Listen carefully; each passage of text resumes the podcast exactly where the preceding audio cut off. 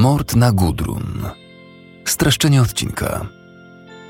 W ciągu roku w regionie Frederikshavn na północy Danii doszło do kilku brutalnych ataków na kobiety. Opis sprawcy zawsze był podobny, ale w tym przypadku nie pomogło nawet zabezpieczenie śladów DNA i odcisków palców. Żadnych z nich nie było bowiem w policyjnej bazie danych.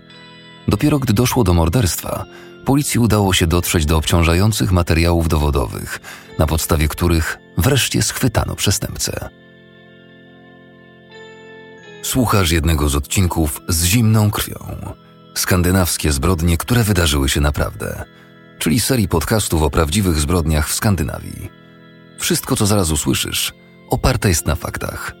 Materiały zebrał i opracował Martin Hilander. Był czwartek, 10 kwietnia 2003 roku. Wczesny ranek. W dzielnicy mieszkalnej na obrzeżach Frederikshavn 87-letnia Gudrun właśnie zamierzała wziąć kąpiel. Gudrun należała jeszcze do pokolenia, które oszczędnie obchodziło się z wodą. Miała więc zwyczaj napełniać wannę na poranną kąpiel tylko do połowy.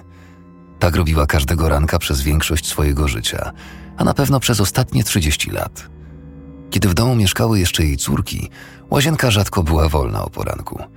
Ale odkąd wyprowadziły się już w latach 70., poranny rytuał Gudrun składał się z szybkiej kąpieli w wannie napełnionej wodą do połowy. Potem zarzucała na siebie szlafrok, wychodziła na korytarz, żeby sprawdzić, czy gazeta wyjątkowo nie została dostarczona wcześniej i szła do kuchni nastawić kawę. Na koniec siadała na sofie i powoli rozbudzała się, przysłuchując się rozmowom w telewizji śniadaniowej. W niektóre dni wyobrażała sobie, jak wspaniale byłoby mieć na wychowanie jeszcze jedno dziecko, o które mogłaby się troszczyć. Tak jak przez te wszystkie lata, odkąd zmarł jej mąż, a ona została wdową. Wówczas regularnie przyjmowała do siebie dzieci z rodzin z problemami.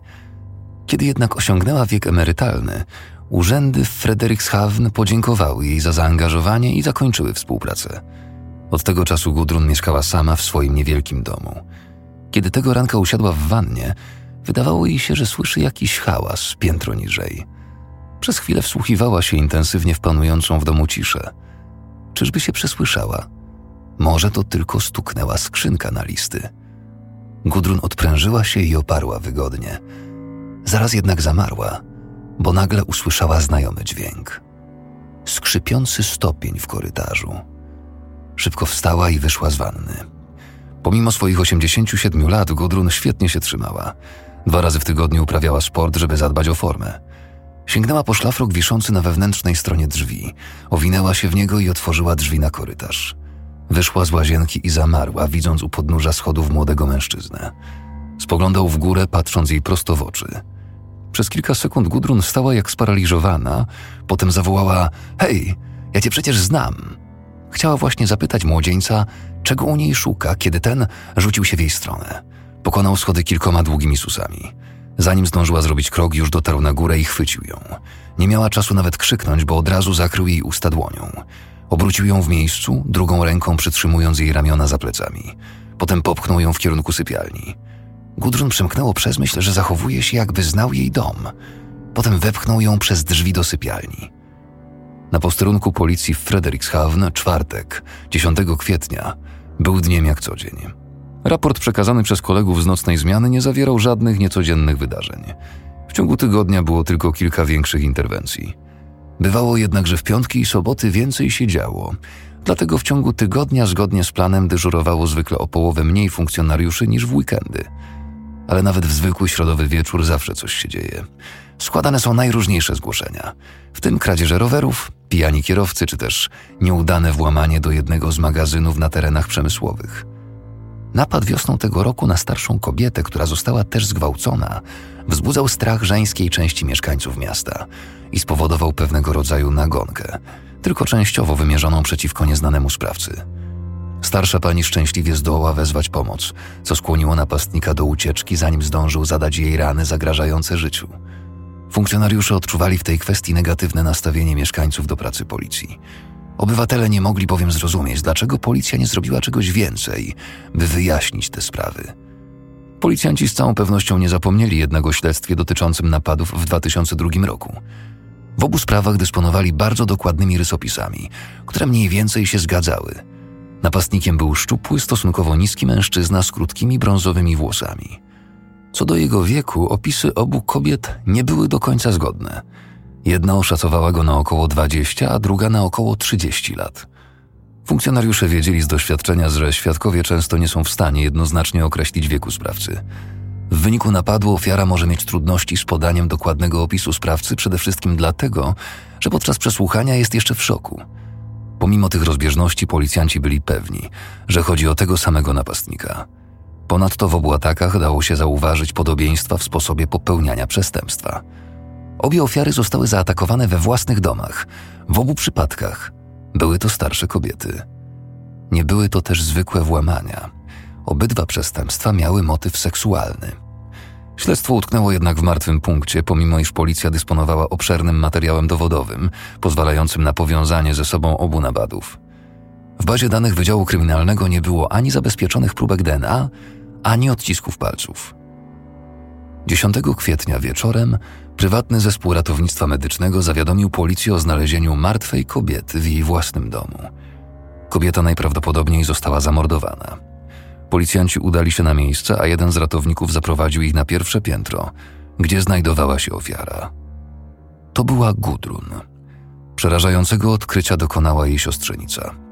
Nieco wcześniej tego dnia do dziewczyny zadzwoniła matka, siostra Gudrun, która zaczynała się niepokoić, dlaczego Gudrun nie odbiera telefonu. Siostrzenica wraz z mężem udała się do jej domu, żeby sprawdzić, czy wszystko jest w porządku. Kiedy przybyli na miejsce, drzwi były wprawdzie zamknięte, ale nie na klucz, a po wejściu do domu od razu zorientowali się, że coś się stało. Wieszak w przedpokoju leżał przewrócony, a kurtki i płaszcze walały się po podłodze w całym korytarzu. Po chwili znaleźli też Gudrun leżącą bez oznak życia tuż obok łazienki. Była naga, a wokół szyi miała zaciśnięty pasek od szlafroka. Na miejsce wezwano techników policyjnych i lekarza medycyny sądowej. Jeszcze tej samej nocy lekarz medycyny sądowej przeprowadził na miejscu pierwsze oględziny zwłok. Doszedł do wniosku, że najprawdopodobniej było to morderstwo. Na zwłokach ofiary znajdowały się ślady wskazujące na to, że była bita po twarzy i całym ciele. Pasek od szlafroka był owinięty kilkakrotnie wokół jej szyi i związany podwójnym węzłem. Na miejscu nie dało się jednak określić przyczyny śmierci, dlatego zwłoki przewieziono do zakładu medycyny sądowej w celu przeprowadzenia autopsji. Obdukcja odbyła się w piątek wczesnym rankiem. Stwierdzono wówczas, że przyczyną śmierci Gudrun były uderzenia w twarz oraz tułów. Jak już wspomniano, Gudrun była kobietą w podeszłym wieku i cierpiała na miażdżycę. Podczas ataku napastnik uszkodził jej żebra. Lekarz medycyny sądowej opisał napad na Gudrun jako bardzo brutalny, a uderzenia zostały zadane przy pomocy tępego narzędzia, albo też ofiara została mocno popchnięta na jakiś przedmiot. Opis zgadzał się z wynikami analizy techników kryminalistyki, którzy znaleźli plamy i rozbryzgi krwi na licznych powierzchniach, w tym na drzwiach łazienki, na toalecie, umywalce oraz na jednej ze ścian sypialni. Ponadto lekarz medycyny sądowej ustalił, że pasek na szyi Gudrun w rzeczywistości nie miał efektu duszenia. Dlaczego został zawiązany wokół szyi ofiary? Tego lekarz nie był w stanie określić. Krwawe zarysowania na genitaliach Gudrun dowodzą, że przed śmiercią została brutalnie zgwałcona. Podczas przeprowadzania autopsji funkcjonariusze policji wraz z technikami równolegle pracowali w domu Gudrun i wokół niego. Na poręczy schodów zabezpieczono krwawy odcisk dłoni, który nie należał do kobiety. Został on zabezpieczony w postaci fotografii. Na jednym z parapetów w mieszkaniu odkryto podartą bieliznę. Wreszcie policja przystąpiła do rekonstrukcji przebiegu wydarzeń. Przyjęto założenie, że walka zakończyła się w łazience. Tam bowiem znajdowało się najwięcej śladów krwi. Wcześniej napastnik musiał walczyć z Gudrun w sypialni. Lampa była przewrócona, obrazy na ścianach przekrzywione, a łóżko rozgrzebane. Telefon w sypialni zbadano na miejscu pod kątem odcisków palców, a następnie odesłano do laboratorium, żeby ustalić, czy sprawca pozostawił ślady w postaci komórek krwi, śliny lub innego materiału biologicznego, który można by wykorzystać do analizy DNA. Na zewnątrz domu na jednej z rabat znajdowało się mnóstwo odcisków obuwia o charakterystycznej podeszwie. Jeden z odcisków był wystarczająco wyraźny i głęboki, by na jego podstawie wykonać gipsowy odlew – Zabezpieczony profil podeszwy porównano następnie z dostępnym na rynku obuwiem i stwierdzono zgodność ze sneakersami marki Nike Air Max. Funkcjonariusze wykonali przy tym tytaniczną pracę. Trzeba bowiem pamiętać, ile rodzajów obuwia sprzedano w tym okresie w sklepach w najbliższej okolicy i jak bardzo podobne są do siebie profile różnych modeli.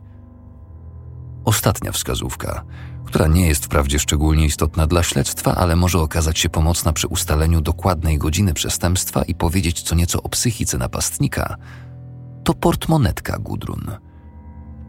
Jeden z pracowników Gminnego Urzędu Zieleni Miejskiej w czwartkowy ranek o godzinie 8.15 opróżniał pojemnik na psie odchody przy pobliskim cmentarzu. W pojemniku znalazł portmonetkę Gudrun, którą przekazał policji. Sprawca musiał więc wcześniej ukraść ją z domu ofiary. Chcąc na podstawie tej informacji przeprowadzić powierzchowną analizę profilu przestępcy, należałoby przyjąć, że sprawca jest osobą raczej oziębłą, skoro po popełnieniu przestępstwa wyrzucił portmonetkę Gudrun do pojemnika na odchody. Odnalezienie portmonetki o tej godzinie umożliwia też uściślenie czasu, w którym przestępca mógł przebywać w domu ofiary. W łazience policjanci natknęli się rzecz jasna na napełnioną do połowy wannę. Kiedy zaś siostrzenica ofiary opowiedziała im o porannej rutynie Gudrun, mogli łatwo obliczyć, że do napadu musiało dojść pomiędzy godziną 6.30 a 8 rano, kiedy Gudrun zwykle wstaje i bierze kąpiel. Krótko po ósmej sprawca najprawdopodobniej opuścił dom, zabierając portmonetkę. Analizy DNA mikroskopijnych komórek ludzkich zabezpieczonych na telefonie Gudrun wykazały zgodność z próbkami DNA obu ataków z 2002 roku. Także sposób postępowania sprawcy był identyczny.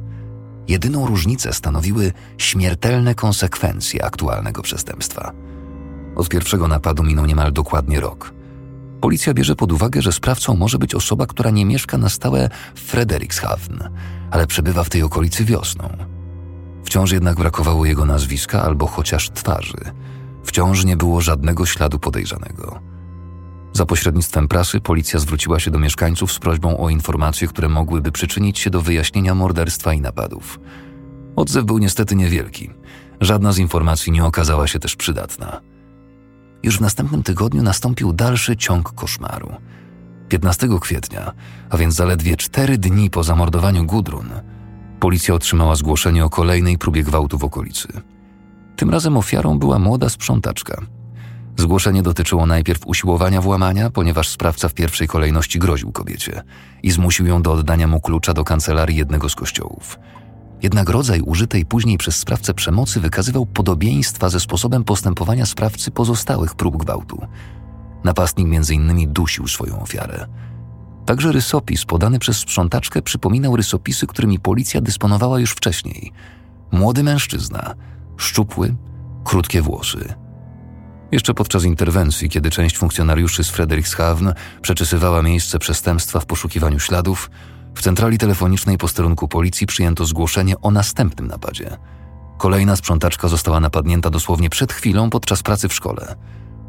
Od zgłoszenia otrzymanego od pierwszej kobiety minęło dopiero półtorej godziny. Jeszcze przed przybyciem policji na miejsce drugiego przestępstwa było jasne, że musi chodzić o tego samego sprawcę. W dodatku szkoła i kościół znajdowały się blisko siebie. Świadomość, że napastnik prawdopodobnie w dalszym ciągu przebywa w pobliżu tych miejsc, była niepokojąca. Druga ofiara opowiedziała, że po południu podczas pracy na terenie szkoły czuła się przez kogoś obserwowana. Kiedy jakiś mężczyzna wszedł i zapytał, czy wszyscy już poszli do domu, odpowiedziała twierdząco. Myślała, że to jakiś spóźniony ojciec przyszedł odebrać dziecko. Ale myjąc podłogę pół godziny później, poczuła nagle, że ktoś łapie ją od tyłu, przyciska do podłogi i obejmuje. Zauważyła, że mężczyzna próbujący właśnie udusić ją szalem to ten sam człowiek, z którym wcześniej rozmawiała. Zanim straciła przytomność, zdążyła jeszcze ugryźć go w rękę. Wtedy ją zostawił i uciekł przez okno. Późniejsze badania kobiety wykazały, że naprawdę niewiele brakowało. Miała już punktowe wybroczyny na twarzy, w oczach i w ustach, wyraźne oznaki zmniejszonego dopływu krwi i silnego niedoboru tlenu. Obie sprzątaczki opisały napastnika w identyczny sposób. Młody mężczyzna, krótkie włosy, około 170 cm wzrostu, szczupła sylwetka. Przy zabezpieczaniu obu miejsc przestępstwa funkcjonariusze nie znaleźli ani odcisków palców, ani innych śladów, które mogłyby zostać użyte do analizy DNA. Ale w rozpulchnionej ziemi pod oknami szkoły i kancelarii kościoła znajdowały się odciski butów. Obydwa odciski były zgodne z odciskiem gipsowym sporządzonym przez policję w związku z morderstwem 87-letniej Gudrun. Sprawca miał więc już teraz pięć ataków na sumieniu, w tym jeden ze skutkiem śmiertelnym, jeden zaś należało zakwalifikować jako usiłowanie morderstwa. Pomimo znacznych ilości dowodów technicznych, policja nie była nawet bliska wpadnięcia na trop sprawcy. Ale pewien czujny policjant, który 22 kwietnia patrolował dzielnicę mieszkaniową w Frederikshavn, natknął się na mężczyznę, którego wygląd mógł pasować do rysopisu poszukiwanego napastnika. Od ostatniego napadu minął zaledwie tydzień, prawdopodobnie więc podczas odprawy na swoim posterunku musiał otrzymać informację, że ta sprawa ma najwyższy priorytet. Mając te instrukcje z tyłu głowy, wyśledził następnie młodego mężczyznę, który tego ranka przechadzał się ulicami Frederikshavn w towarzystwie znajomego. Policjant zatrzymał samochód na wysokości obu młodych mężczyzn. Zauważył przy tym, że jeden z nich ma na nogach buty Nike Air Max. Ta przesłanka kazała mu działać. Zawiózł dwudziestolatka na posterunek, gdzie jeszcze tego samego popołudnia został przesłuchany. Podczas pierwszych przesłuchań zapytano młodego mężczyznę, którego danych nie było w aktach, gdzie był w momencie każdego z pięciu ataków. Odpowiedział, że nie pamięta. Twierdził też, że nic nie wie o żadnych napadach, ale przyznał jednocześnie, że słyszał, iż jego była matka zastępcza, 87-letnia Gudrun, została niedawno zamordowana. Poszperawszy nieco w pamięci, przypomniał sobie, że dzień przed zamordowaniem Gudrun, 9 kwietnia, był ze znajomym na imprezie. Znajomy mieszka przy tej samej ulicy co Gudrun. Policja zatrzymała obuwie mężczyzny do dalszych badań, żeby nie musiał wracać boso, patrol odwiózł go do domu ojca, gdzie chwilowo mieszkał. Tam też w koszu na brudną bieliznę funkcjonariusze zabezpieczyli czarne spodnie treningowe, które zabrali do zbadania przez techników w laboratorium. Po drodze policjanci razem z młodzieńcem wstąpili także do jego matki, gdzie zabezpieczyli jeszcze jedne spodnie sportowe do dalszych badań. W piątek 25 kwietnia mężczyzna został przesłuchany w charakterze podejrzanego o zamordowanie Gudrun. Na przesłuchanie stawił się w towarzystwie adwokata i podkreślał, że jest niewinny. Podczas przesłuchania zmienił jednak zeznania dotyczące miejsca pobytu w noc przed porannym morderstwem z 10 kwietnia. Impreza, na której był wieczorem, skończyła się dopiero około 6 rano. On zaś po drodze do domu niespodziewanie wpadł na pomysł, by włamać się do swojej byłej matki zastępczej Gudrun – nie był u niej od piątego roku życia. Podczas przesłuchania twierdził, że włamał się, chcąc po prostu ukraść trochę pieniędzy, żeby spłacić długi narkotykowe. Zaraz po wejściu do środka usłyszał jakieś dźwięki dobiegające z pierwszego piętra. Poszedł na górę, żeby to sprawdzić. Kiedy Gudrun nieoczekiwanie pojawiła się w drzwiach łazienki, przestraszył się i ją uderzył. Kobieta straciła równowagę, potknęła się i zraniła tak mocno, że krwawiąc runęła na podłogę. Mężczyzna próbował pomóc jej się podnieść, ale kiedy nagle wstała i coś powiedziała, ogarnął go strach i uciekł. Później tego popołudnia dwudziestolatek został doprowadzony przed sędziego Frederikshavn, decydującego o zastosowaniu tymczasowego aresztowania. Powtórzył przed nim swoje zaprotokołowane wcześniej zeznania. Sędzia nie był przekonany co do opisanego przebiegu wydarzeń i postanowił zatrzymać młodzieńca w areszcie na cztery tygodnie, podczas których miało trwać dalsze śledztwo. Sędzia zarządził też przygotowanie opinii prawno-psychiatrycznej w czasie pobytu mężczyzny w areszcie śledczym. Na początku maja dwudziestolatek został oskarżony o ataki na dwie sprzątaczki, do których doszło w połowie kwietnia, a także o napaść i gwałt, które wydarzyły się rok wcześniej. Mężczyzna kiwał głową w milczeniu, przyznając się do zarzucanych mu czynów. Milczał również, kiedy zadano mu pytanie, dlaczego to zrobił.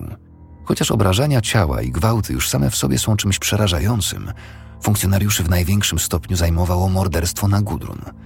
Policja miała już pewne poszlaki oraz możliwy motyw, ale obszerne przyznanie się do winy znacznie ułatwiłoby funkcjonariuszom pracę.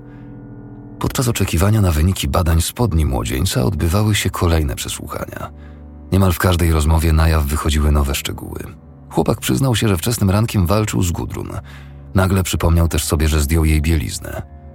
Kilka dni później dodał, że pod koniec przepychanki zadał Gudrun 10 do 15 ciosów pięścią w twarz i tułów. Już same te słowa wystarczyły do skazania go z powodu ciężkiego naruszenia ciała ze skutkiem śmiertelnym. Ale na jaw miała wyjść jeszcze jedna okoliczność towarzysząca przestępstwu. Wreszcie zakończono analizy spodni młodzieńca i przedstawiono mu ich wyniki.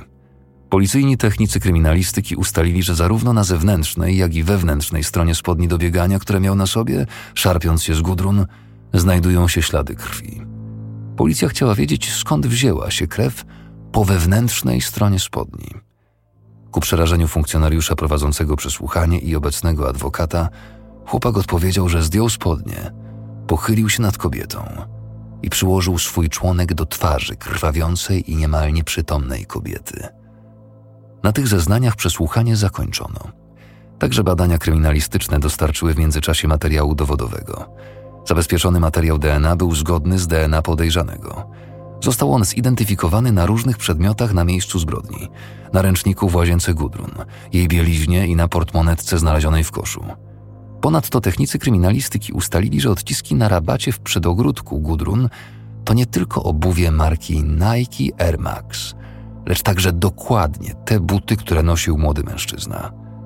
Badanie psychiatryczne wykazało, że ani obecnie, ani w momencie popełniania przestępstwa chłopak nie cierpiał na żadne zaburzenia psychiczne. Należało też wykluczyć niepoczytalność w chwili dokonywania przestępstwa. Stwierdzono jednak, że zanim został zatrzymany, chłopak przez dłuższy czas brał narkotyki o działaniu psychodelicznym. Młody człowiek we wszystkich punktach aktu oskarżenia przyznał się do winy. Prokuratura domagała się najwyższego wymiaru kary, to jest dożywocia. Obrońca wnosił o karę pozbawienia wolności w wymiarze maksymalnie 16 lat. Dla tych, którzy wiedzą, że kara dożywocia rzadko wynosi więcej niż 15 lat, wniosek adwokata może wydawać się bezsensowny. W 2004 roku w sprawie została wniesiona apelacja przed Sądem Najwyższym. Spośród pięciu sędziów dwóch było zdania, że sprawca, pomimo stosunkowo młodego wieku, powinien zostać skazany na karę dożywotniego pozbawienia wolności. Większość jednak opowiedziała się za karą 16 lat pozbawienia wolności. Można tylko mieć nadzieję, że ten młodzieniec nigdy więcej nie będzie mieć okazji do popełnienia podobnego czynu, a także, że rodzina Gudrun podniesie się po tragicznej stracie i zdoła zaznać spokoju.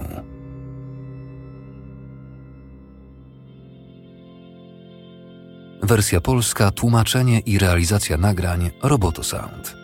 Czytał Filip Kosior.